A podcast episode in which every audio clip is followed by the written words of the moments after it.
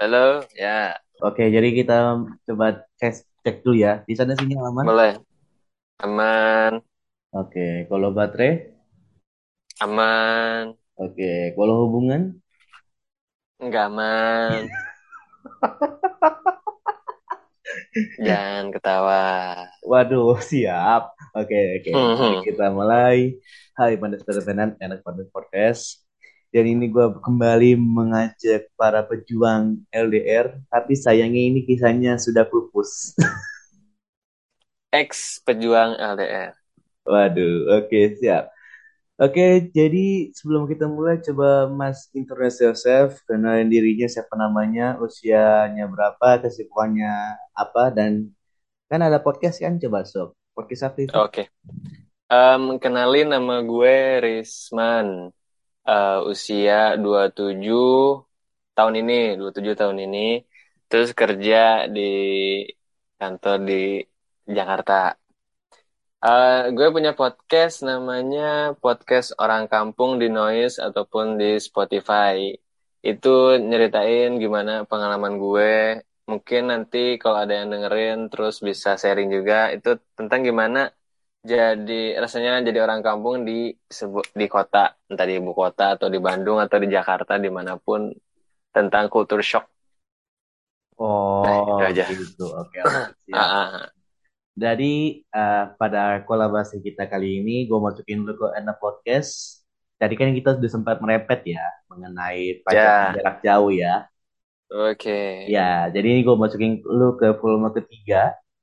Jadi di Mm-mm. volume ketiga ini gue udah ngajak beberapa podcaster juga. Salah satunya Mm. episode yang lalu itu saya Yang berkolaborasi. kemarin 10 tahun ya? Iya betul, 10 tahun. 10 Hmm. tahun LDR dengan lika-liku yang sangat-sangat wow. Nanti coba Mas dengerin aja. Itu Tapi dia masih bertahan. sampai menikah. Bahkan sekarang bahkan Oh. kayak update kan kemarin kan saya juga taping juga tuh sama beliau tentang Hmm. pengalaman dia apa eh, menjadi anak di Samarinda. Dia kan asli Samarinda Oke. kebetulan. Eh, dia itu eh, sempat update juga ternyata dia sampai sekarang LDM long distance marriage. Aduh, ngebayanginnya berat juga sebenarnya. Iya, oke. Jadi kita flashback dulu ya. Sorry to say kalau saya Boleh, boleh. bagi Mas yang takutnya tiba-tiba habis kelar tappingan ini malah galau. Oh, enggak, enggak aman. Udah, udah selesai masa-masa itu udah selesai. Oh, udah selesai ya. Oke, Udah, udah. kalau boleh tahu nih kisahnya tahun berapa? Tahun 2014 kayaknya, Oke, kalau nggak salah. 2014. Dan coba ceritain Mm-mm. dong awal mulanya Mas ketemu sama mantan Mas itu seperti apa? Sebenarnya dia itu mantan gue pas di sekolah di SMA. Tapi dia, gue di kabupaten, dia di kota. Itu pas sekolah tuh. Terus eh, pas mau ujian nasional, kita putus, udahan, terus lama nggak kontekan. Akhirnya kita kontekan lagi, nggak tahu gimana ceritanya, lupa juga. Terus eh, dia masih punya pacar tuh, kalau nggak salah. Terus curhat-curhat-curhat, akhirnya udahan. Terus kita balikan. Kita balikan. Nah, pas 2014 itu gue ngerantau ke Jakarta. Dia tetap di Hmm. kota di sana, di kota Sukabumi. Oh, oke. Nah, nah, gue di Jakarta. Nah, selama lima tahun itu kita LDR. Jadi kalau Hmm. misalnya mau ketemuan tuh paling seminggu, eh sebulan sekali, bisa dua bulan sekali gitu. Hmm. Itu yang Entah pakai motor atau naik bis gitu. oke. Itu yang nyamperin siapa? Mas atau dia? Gue, gue, gue. Gue, dia, dia nggak pernah ke sini jarang banget sih. Paling ketemu di Bogor paling. Oh gitu. Berarti ya Hmm. perjuangan laki-laki ya. Ya maklum. Ya, ya. Heeh. Oke, eh bisa dibilang itu perjuangannya dari SMA ya sempat putusnya putusnya ya di Iya, ya. benar, benar, benar, benar. Nah, itu bisa dibilang siapa duluan sih yang mengatakan bahwa kayak kita kayak hubungan kita ini harus LDR tuh. Itu siapa yang bilang? Oh, nggak, kita nggak, nggak ngebahas. Kayaknya kita LDR deh. Enggak sih, cuma ya udah jalan aja. Jalan aja karena kita sama-sama tahu pas kita mulai hubungan itu kita sama-sama lagi berjarak emang gitu. nggak Oh, nggak ada pembahasan. Kita LDR aja nggak ada sih. Kayaknya waktu tahun itu kayak nggak ada bahasa LDR lah bucin lah atau gagal move on lah. Kayaknya nggak ada. Belum ada mungkin belum ada. Belum ada nggak ya. sekarang. Ah belum ada Kalau boleh nggak tahu, ada bahasan LDR sih kalau boleh tahu respon dia mengenai kayak berjarak ini hubungan ini seperti apa? dia sih sebenarnya nggak pernah banyak cerita ya cuma ketika teman-temannya malam mingguan dia tuh sedih gitu cerita teman-temanku malam mingguan dijemput sama cowoknya Nah kamu jauh, gimana? Aku masih di rumah aja gitu. Paling kalau malam minggu dia momen momen kayak galaunya gitu, nggak nggak keluar sama cowoknya, yang lain pada keluar sama cowoknya dijemput ke tempat kerja atau diantar ke tempat kerja. Nah ini tuh nggak bisa gitu. Sedangkan waktu itu Hmm. dua tahun pertama itu gue belum punya kendaraan pribadi itu masih naik bis, kalau nggak naik kereta, kalau mau ketemu dia gitu. Oh, oke. Jadi ini kita ibatkan dulu sebentar ini dalam lima hubungan Mas kemarin dulu ya. Oke. Hmm. Nah, kalau misalnya selama lima tahun hubungan Mas sama mantan Mas itu, selama kalian LDR, pernah nggak sih Hmm. di antara salah satu kali dari kalian itu pernah tanda kutip curiga gitu loh, main belakang gitu nggaknya? Oh, wah, nggak curiga mah ada ada momen kayaknya dua tahun eh usia antara tahun kedua ke tahun ketiga itu kan eh, kayaknya kalau tahun pertama kan kayak masih kasmaran gitu masih happy happy gitu. Nah tahun kedua tahun ketiga mungkin namanya masih muda kali ya, jadi kayak mulai agak bosen Terus dengan rutinitas yang gitu-gitu aja, gitu chattingan kalau nggak teleponan doang. Nah, kadang tiba-tiba dia nggak ada kabar gitu. Kadang atau gue juga mungkin eh, bosan kayak capek ah, malas ngebales gitu. Jadi, nah satu sama lain kayak jadi kayak saling curiga gitu. Jadi eh, jadi overprotective jadinya. Yang satu diprotektifin, yang satu overprotective. Nah, tahun ke tahun dua tahun ketiga itu itu tuh banyak permasalahan karena ya itu saling sa- apa masing-masing kayak nggak percaya gitu Hmm, kayak gitu ya. ke mana nih gitu soalnya dia itu ada shift pagi sama kerjanya shift siang. Nah gue kan nggak ada shift shiftan jadi pas dia balik kadang gue udah tidur pas gue berangkat dia belum bangun. Nah itu tuh kan kayak ini ke mana nih kok tiba-tiba nggak ada kabar atau gimana? Gitu. Pagi masih muda kan. Iya, keluar asmaranya masih tinggi gitu. Oke, oke, oke. Dan Mas tahu dia ketahuan main belakang atau selingkuh itu dari mana momennya? Enggak, dia nggak selingkuh sih. Cuma maksudnya dia jalan sama temennya tapi nggak bilang dari dari temennya sih dari dari sahabatnya sendiri cerita gitu. Ini ah eh, si Anu lagi pulang sama ini. Oh, terus tanya lah gitu. Kamu dari mana? Enggak kok sama temen kok gitu. Kenapa nggak bilang gitu aja? Nggak nggak nggak pure selingkuh. Cuma mungkin ya pengen ya itu tadi yang kayak pengen malam mingguan atau dijemput pacar atau diantar pacar gitu-gitu. Cuman dia nggak bilang sama siapanya, bilangnya teman Oh, setelah gitu. ketahuannya gitu. Bilangnya tanda kutip temen ya. Oke, oke, oke. Tapi kalau saya boleh tahu, selam, ah, sebelum beliau eh, pacaran sama Mas, pernah mm-mm. apa nggak pernah pengalaman pacaran nggak sih sama sebelumnya gitu? Atau mungkin Oh itu pernah pernah pernah. pacarnya pacarnya satu sekolah pacarnya satu sekolah Hmm. Tapi kalau mantannya satu sekolah eh, tapi kalau saya untuk pengalaman LDR ini baru pertama kali iya iya ah. sama gue Hmm. doang dia pertama dan terakhir kayaknya LDR Aduh. Emang Mas sempat ah, dapat tuh eh, sampai sekarang pun sampai eh, putus masih tetap berkomunikasi sama beliau. Eh, udah jarang sih karena dia udah nikah Waduh. iya terus nggak diundang lagi Wah, ya kalau saya diundang kesel pun lah ya, kalau saya diundang pun ya, ya nggak enak juga lah pastinya. iya dianya sih cuma gue tuh marah sama dia kok kenapa nggak ngundang nggak ada mantan yang diundang katanya Padahal udah udah Waduh, persiapan mental gitu kan. Nih, gue mau waduh. dateng kalau gue tuh bisa hidup tanpa lo gitu. Iya, iya, iya. Saya Nah, pengen datang, pengen approve aja, pengen approve. ah Tapi bikin nggak diundang, ngeliat status teman-temannya, ah anjir udah nikah. oh, udah siapin satu konten buat TikTok lah ya. Udah Iya, iya. kayak ini lagu Armada, lagu Armada. Harusnya, harusnya aku. Harusnya aku itu, Oke, udah, udah oke. persiapan itu. Tapi kalau saya Mas sendiri sebelum sama mantan Mas pernah pacaran Belum, belum. sebelumnya. Oh pacaran udah, cuma ya masih satu sekolah. Oh, kalau yang LDR sama dia doang ya. Iya, waktu itu sama dia. Oh, tapi kalau saya sampai sekarang masih masih menjalani baru tentang LDR lagi apa gimana? Iya ada ada LDR lagi sih. Waduh. Udah ya gimana ya? Kalau gimana ya kalau kalau jarak deket itu gue tuh kayak ngerasa kalau ketemu mulu tuh bosen gitu. Kayak ah, ketemu mulu tiap hari gitu kayak nggak nggak nggak suka aja gitu. Makanya ya minimal kayak jarak du- Bandung atau Sukabumi misalnya kayak dua jam lah gitu dari Jakarta.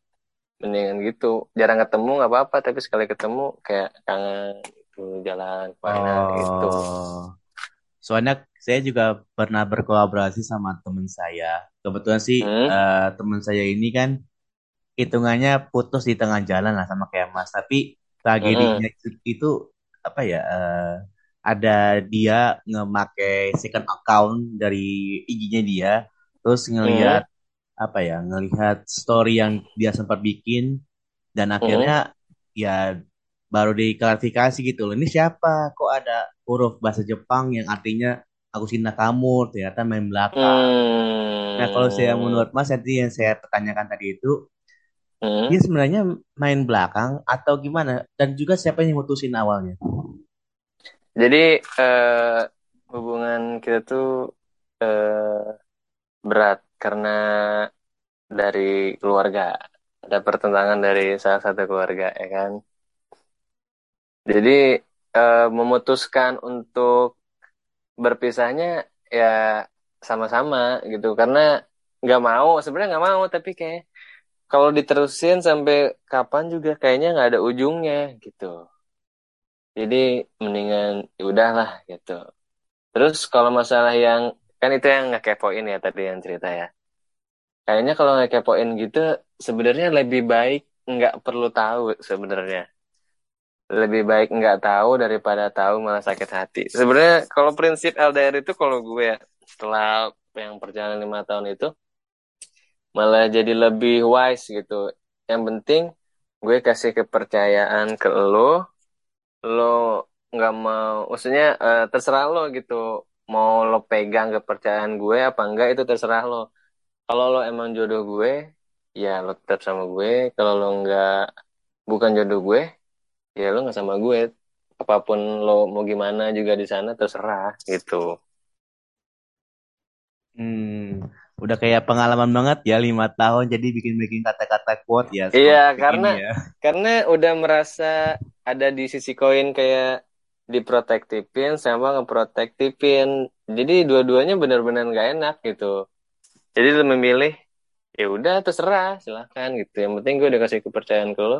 Lo mau pegang atau mau hianatin juga ya terserah lo gitu. Hmm. Nah, kalau misalnya ibaratkan dengan sekarang yang love language. Nah, kalau saya dia Hmm. tipikalnya itu gimana kalau misalnya menurut Mas? Jadi sorry ya tuh kalau saya untuk flashback ya. Iya yang apa-apa. Kalau gue, kalau gue eh, dulu ke lebih ke act of service. Waktu itu pernah ada kita berantem nih. Dia kan berantem kalau lagi berantem lagi ribut itu eh, baikannya agak susah. Dia tuh kayak lama-lama ke cewek gitu kali ya nggak nggak tahu sih. Kalau dia gitu, jadi kan karena jarak jauh nih.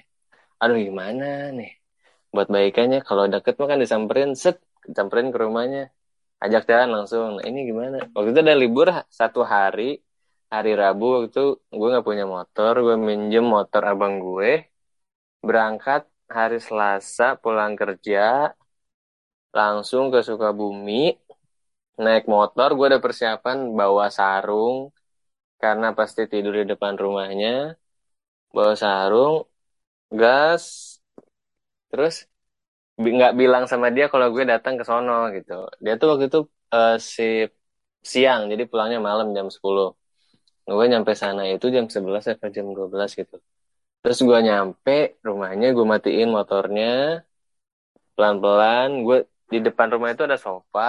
Gue tidur di sofa itu nungguin dia. Terus ada mamahnya sama neneknya ngeliat ada siapa orang di depan tidur? Terus mamahnya nyamperin bangun bangun masuk ke dalam. Iya mah biarin di sini aja. Itu gue tidur pakai sarung tuh. Nah terus dia dibangunin karena gue nggak mau kan tetap pengen di luar aja udah nggak apa dibangunin dia terus nyuruh gue masuk kata gue ya udah baikan dulu ya.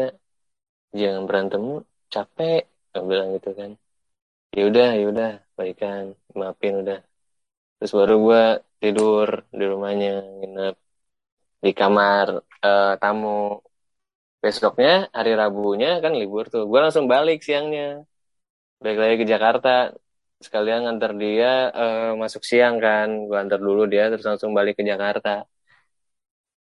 nah itu sih. Wah itu pembelaan banget ya. Jadi saya teringat gitu loh sama pembicara saya di volume kedua. Jadi itu kalau saya beliau itu sempat ceritain pas pengalaman dia sebelum menikah sama istri Ya, dia sekarang? sekarang, ah, ah, dia sempat dapat apa ya dapat pacar di eh, dapat pacar di luar kota gitu loh. Dari seperti biasa aplikasi Tinder. Oh, gokil. Nah, jadi hitungannya sempat berantem. Ya, jadi hitungannya pembelaan dia balik dari tempat kerjanya ke Bandung. Dia kebetulan asli Bandung Mm-mm. juga. Ya itu pembelaan. Mm-mm. Jadi hitungannya kayak udah malas bolak-balik bolak-balik ya dia putus sama yang kemarin yang saya ceritain tadi itu akhirnya ya Mm. apa tuh ya pasang matching lagi matching lagi sama yang sekarang ini ya udah dia hanya Mm. serius aja gitu loh Oh, itu dari Tinder yang sekarang tuh istrinya dari Tinder. dari Tinder Ih, gokil. Bisa ya. Aneh banget. makanya kisah-kisah LR ini sangat-sangat menarik maka saya Aneh udah banget. bikin udah bikin tiga volume jadi volume pertama Uh, saya udah ngajak sembilanan orang uh, volume kedua itu saya udah ngajak 10 orang dan uh. saat ini ya mas orang keempat gitu loh Oh, jadi itu kayak uh, rangkuman gitu dari dari sekian orang dikumpulin jadi satu gitu. iya ah, ah. Oh, dengan bermacam ragam cerita gitu ya.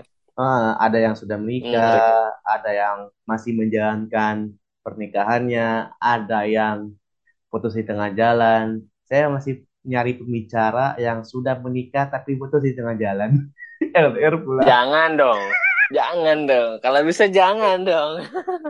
iya iya Tapi kayaknya tapi kayaknya kalau sekarang banyak sih kayaknya ya. Ya karena Dia kan belum juga nemu ya ya karena kan sekarang kan masih tanda kutip masih pandemi lah ya Iya iya, ya karena bah- karena kemarin kan pas pandemi itu banyak yang cerai hampir berapa 2000 orang lah atau kecamatan nah, atau kabupaten iya gitu. Heeh. Masanya saya juga lagi nyari nih tapi kayak susah atau mungkin lebih tepatnya mau open kali ya Belum, belum. Kayaknya dia susah kali. Aduh, gue cerita aib gue cerai anjir gitu. Iya iya Ini masih Wala- belum mau kayaknya. iya walaupun hitungannya mas sudah lima tahun berinteraksi sama dia ya untuk perjuangan Hmm. perjuangannya ya saya juga kurang tahu tapi kosanya untuk yang komunikasi nih pas Hmm. itu sama lima tahun mas uh, pacaran sama beliau gimana Hmm. sih kalau misalnya dia dalam keadaan terpuruk gitu loh bagaimana cara mas nge-treatnya ataupun sebaliknya Hmm, jadi kalau gue, ya namanya cewek kan kadang pengen dipekain ya. Jadi ketika ketika eh, kalau gue nggak tahu eh, peka aja gitu maksudnya kalau ada sesuatu yang beda nih, entah dia lagi sedih atau dia lagi marah, itu dari ketikannya padahal biasa, tapi berasa beda nih kayaknya. Ada sesuatu nih. Ditanya kan, enggak, nggak apa-apa. Akhirnya dikorek-korek-korek terus sampai ditelepon, baru tuh keluar gitu, keluar, keluar, keluar, keluar semua. Karena gue kayaknya eh, kalau dari eh, ngobrol gitu, bikin bikin si orang atau yang pembicara ini tuh jadi open terus gitu, jadi terus terus keluar keluar keluar. Semuanya cerita ya udah gue nasehatin gini gini. Banyak masalah di pekerjaan sama keluarga dia kan. Ya udah gue apa harus padahal kita seumuran tapi gue harus merasa jadi yang lebih tua gitu pemikirannya dibandingkan dia gitu iya jadi sih. paling penyelesaiannya di telepon paling lewat telepon karena Oh, waktu itu kayak belum WhatsApp tuh belum belum kayak sekarang paling BBM doang kan nggak ada video call juga ya paling telepon doang kalau BBM paling sama SMS sama telepon sih iya. Apalagi kalau misalnya pas era-era itu masih berjaya-jayanya lain berarti ya. Mm-mm, benar benar Iya, iya. BBM lain BBM lain tuh masih di atas tuh waktu itu Tapi kalau misalnya sebaliknya dalam artian Mas lagi terpuruk butuh Mm-mm, kutip hi apa tuh ke saya semangat gitu loh untuk menjalani hari. mm-mm, Tapi kalau saya mm. tipnya dia ke Mas itu seperti apa? kalau dia eh, langsung nelpon dia sama juga langsung nelpon karena gue nggak pernah tutup tutupin kan langsung gini gini gini cerita semua. Gini gini gini langsung dia nelpon. Nah kita tuh kayak emang saling melengkapi sebenarnya. Jadi ketika gue lagi terpuruk dia jadi kayak ibu gitu. Jadi kayak sosok ibu kayak ngomong anaknya gitu.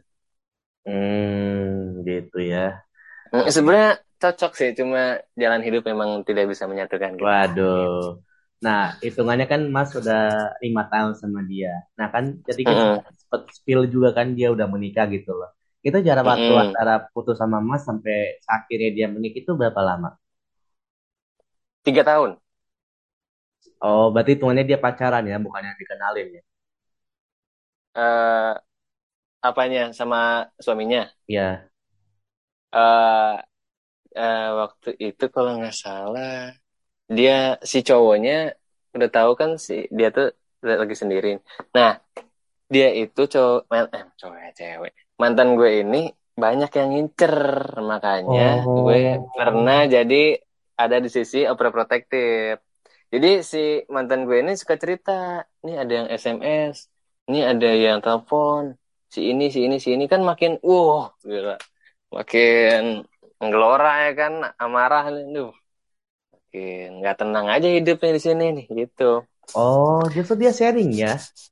Iya, nah itu saking maksudnya dia percaya gitu, dia jujur gitu. Nih ada yang deketin. Cuma ada momen nggak pernah cerita lagi gitu. Karena mungkin gue Oh. overprotective ya, karena supaya daripada ribut kali udah ah, nggak cerita aja gitu. Tapi Hmm. kan namanya udah tahu ya, udah tahu.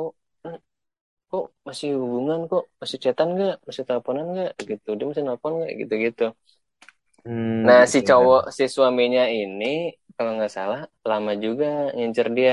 Cuma si mantan gue ini, eh, waktu itu dia lagi punya hubungan. Punya hubungan lagi itu dia. Oh, Punya hubungan. Cuma alah. si cowok ini, si suaminya ini, ngincer. Terus eh, Oh. udahan, udahan.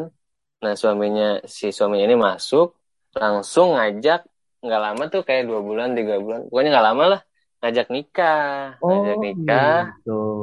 akhirnya jadi karena si mantan gue ini emang eh, waktu itu sama gue juga pengen cepet-cepet nikah cuma akhirnya nggak bisa ya kan belum bisa akhirnya pisah makanya dia tuh pengen cepet-cepet nikah sebenarnya karena teman-temannya tuh udah pada nikah mungkin namanya di kampung ya tekanan eh, tetangga ya kan kok belum nikah usia, usia segini. Kan beda sama ya di kota ya di kota orang Iya, kerja. iya, betul. beda masing-masing lah bodoh amat lah gitu. Mau nikah kapan ke 30 40 tuh urusan gue gitu. Tapi kalau di kampung tuh kayak tekanan mentalnya tuh beh gila. Berat. Hmm, ya, ya. Nah, kalau boleh tahu, rekor kalian nelpon, baik yang video call maupun phone call, rekornya berapa lama? Eh, antara 2 sampai 3 jam. Dan ada waktu khusus gak sih untuk kalian berinteraksi? Malam malam biasanya malam.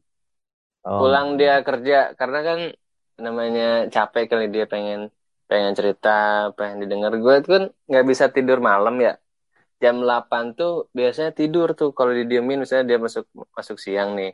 Kan nggak ada kayak nggak ada game atau misalnya main game bosen lah terus nggak chattingan dia masih kerja kan nggak pegang handphone tuh malas banget tahu-tahu tidur nah itu tuh besoknya pasti berantem Nah, Hmm, makanya makanya kadang gue coba begadang buat ya itu buat dengerin dia cerita gitu sampai jam 12 lah jam satu baru tidur. Padahal besoknya gue masuk pagi. Tapi ya namanya cewek kan pengen didengar sebenarnya. Nggak sebenarnya nggak usah kita ngejawab juga. Dia mah yang penting didengar cewek mah. iya Bener. betul sih, iya betul sih. Makanya yang tadi sempat Mas singgung ya, Mas gak bisa tidur Mm, terlalu larut. Kita taping pas tanggal mm. 28 Agustus di 2022 jam 5 sore, bayangin aja. Biasanya kalau saya Iya ta- takutnya ketiduran kalau malam Iya, gitu. ah, biasanya kalau saya taping sama pembicara yang lain ya palingan ya malam-malam, palingan jam Iya, 10. enaknya enak. Emang enaknya malam karena kan sepi, nggak misalnya nggak kepotong suara azan misalnya kan atau apa Ya gitu kan. minim, ya lebih tepatnya minim noise lah ya. Ah Mm-mm. gitu. Cuma karena ini emang mata tuh nggak bisa tidur malam, maaf maaf aja. Iya, iya, I know, I know, I know. Nah, untuk mengakhiri kolaborasi kita pada kali ini, coba Mas kasih Oke. kesan, kesan Mas Mm-mm. sama lima tahun berinteraksi atau Mm-mm. mungkin lebih tepatnya pacaran sama dia dan menjalani LDR Mm-mm. dan pada Mm-mm. akhirnya juga putus di tengah jalan karena ditinggal nikah. Ditinggal nikah yang bisa dibilang termasuk cepat juga ya, dua bulan tiga bulan ya langsung nikah ya. Cepet ya, dia cepet. Jadi kenalan, terus diajak ke rumah keluarga cowoknya, si cowoknya main mulu ke rumah mantannya, mantan gue, terus eh, ada pembicaraan tuh, akhirnya udah langsung. Nah, Hmm, tapi pada saat itu gue masih kontekan sama dia gitu, gue coba kontekan sama dia. Nggak nggak ada nggak ada masalah sih sebenarnya kita. oh, tapi sebenarnya saya untuk sekarang udah lost contact berarti ya. Eh, kalau dia nggak ngehubungin, gue nggak berani. Soalnya WhatsApp-nya udah nggak aktif, Instagram-nya udah nggak aktif. Jadi kadang dia tiba-tiba ngechat terus hilang lagi gitu. Jadi takutnya suaminya yang bales kan repot juga ya. Iya sih, ribet berabe juga ya. Oke, jadi Iya. coba coba Mas kasih kesan pengalaman Mas Mhm. LDR kemarin seperti apa Oke. dan coba kasih Nah, pesan kepada pejuang-pejuang LDR baik yang masih bertahan, baik Oke. yang juga menjalani LDM long distance marriage Mhm. maupun yang Mhm. men- berjuang kembali setelah putus di tengah jalan. Mhm. Coba silakan. Oke, oke. Eh, kesan gue selama lima tahun LDR sama si X ini eh, itu membuat gue semakin eh, berpikir lebih dewasa dalam sebuah hubungan. Dan walaupun eh, mungkin kekanak-kanakan pada akhir- pada awalnya, tapi pada akhirnya kita jadi berpikir dewasa untuk menghargai dan eh, saling kepada pasangan kita entah eh, komunikasi atau kepercayaan. Itu kita harus saling mengisi jangan eh, egois gitu. Karena kalau kita mikirin diri sendiri eh, yakin nggak akan benar sih. Terus pesannya untuk teman-teman yang lagi menjalani hubungan LDR kalau kalian ada di posisi jadi protek kepada pasangan kalian percayalah pasangan kalian itu merasa dikekang dan nggak nyaman. Jadi buat kalian yang ngeprotek pasangan kalian, kasih aja kepercayaan sama pasangan kalian. Biarin aja dia pegang kepercayaan kalian. Dia jodoh atau enggaknya sama lo. Yang penting lo udah kasih kepercayaan sama dia. Percaya kalau dia emang bener jodoh lo, nggak akan ke mana-mana. Mau ke mana le? Lo pergi ke Amerika atau lo mau pergi ke Baghdad juga kalau dia emang jodoh lo nggak akan ke mana-mana tetap sama lo. Kasih aja kepercayaan sama dia. Terus buat yang long distance married ya. Karena belum ngerasain tapi sebenarnya udah kebayang sih. Maksudnya kalau punya pasangan kita eh, jauh gitu. Itu kayaknya berat banget gitu karena kan sebenarnya suami istri itu ketemu atau pegangan tangan aja kan jadi pahala gitu istilahnya. Itu jauh gitu. Mungkin butuh waktu sebulan sekali atau sebulan dua kali itu tuh kayak berat banget apalagi kalau udah punya anak. Jadi buat teman-teman yang menjalani pernikahan jarak jauh, semangat terus cari nafkah sebanyak-banyaknya untuk eh, keluarga karena itu adalah uh, kewajiban kita sebagai laki-laki dan buat perempuan atau istrinya yakin aja sama suaminya kalau dia emang benar-benar cari nafkah buat kalian.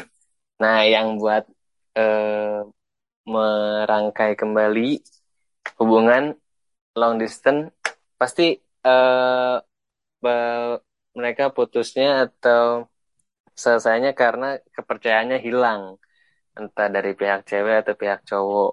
Sebenarnya kayak bu baca buku dua kali sih tapi ya itu kuncinya sebenarnya ada satu eh dua kali ya. Komunikasi sama saling percaya itu kuncinya. Kalau dua-duanya nggak dipegang dalam hubungan long distance relationship itu nggak akan berjalan sebagaimana mestinya sih. Ya itu aja sih Ya pada akhirnya juga dari kita pada kali ini komunikasi akan kalah dengan yang serius. Oke. Okay? Mm -mm. Udah dijalin lima tahun, eh kalah sama tiga bulan. Betul sekali. Itu gue move on aja dua tahun. Dua tahun. dua tahun berarti pas pandemi ya? Iya, dua tahun itu kayak, wah gila sih. Bener-bener nyakitin diri sendiri dulu gitu. Maksudnya, yakin kalau dia tuh nggak bisa dimilikin gitu. Udah bukan buat tuh gitu. Boleh mencintai tapi tidak bisa memiliki gitu. Itu menerapkan pemikiran itu sampai benar-benar ikhlas ya udah sok nangga nikah gitu. Gue mau datang ke pernikahan lo walaupun nggak diundang gitu. Hmm. butuh dua tahun. Waduh. Gue move on dari itu dari lima tahun. Parah sih. Oke mungkin ini karena kita udah berbicara tentang LDR kalau tanya hmm. Mas, boleh silakan untuk mempromosikan podcastnya. Oh berapa? Yang oh ya, oh ya. Oke oke. Uh, buat teman-teman yang mungkin ada yang relate kisahnya pernah merasakan jadi uh, rasanya orang kampung ketika jadi orang kampungan ya sebenarnya bukan orang kampung merasa diri kalian tuh kampungan ketika berada di ibu kota entah momennya entah kita nyoba makanan atau kita ke tempat sesuatu sebuah tempat yang baru dan nggak ada di kampung kita boleh banget dengerin podcast orang kampung di Noise atau di Spotify. Kalau ada yang mau sharing ceritanya boleh di DM atau kritik dan sarannya boleh banget diterima. Itu aja Oke siap. Oke thank you ya Mas Wisman. Thank you thank you thank you. Oke siap. Akhirnya bisa mengetahui nama aslinya Mas siapa. Iya orang Sunda banget emang. Oh. Orang Sunda banget. Kayak kan orang ya? Sunda kan namanya di di dobelin kayak Wawan Kurniawan, Asep Gumasep, Herdi Suherdi gitu. Oke, berikut mau pakai episode pada kali ini. Sampai jumpa di episode berikutnya. Dadah, sampai jumpa. Uh.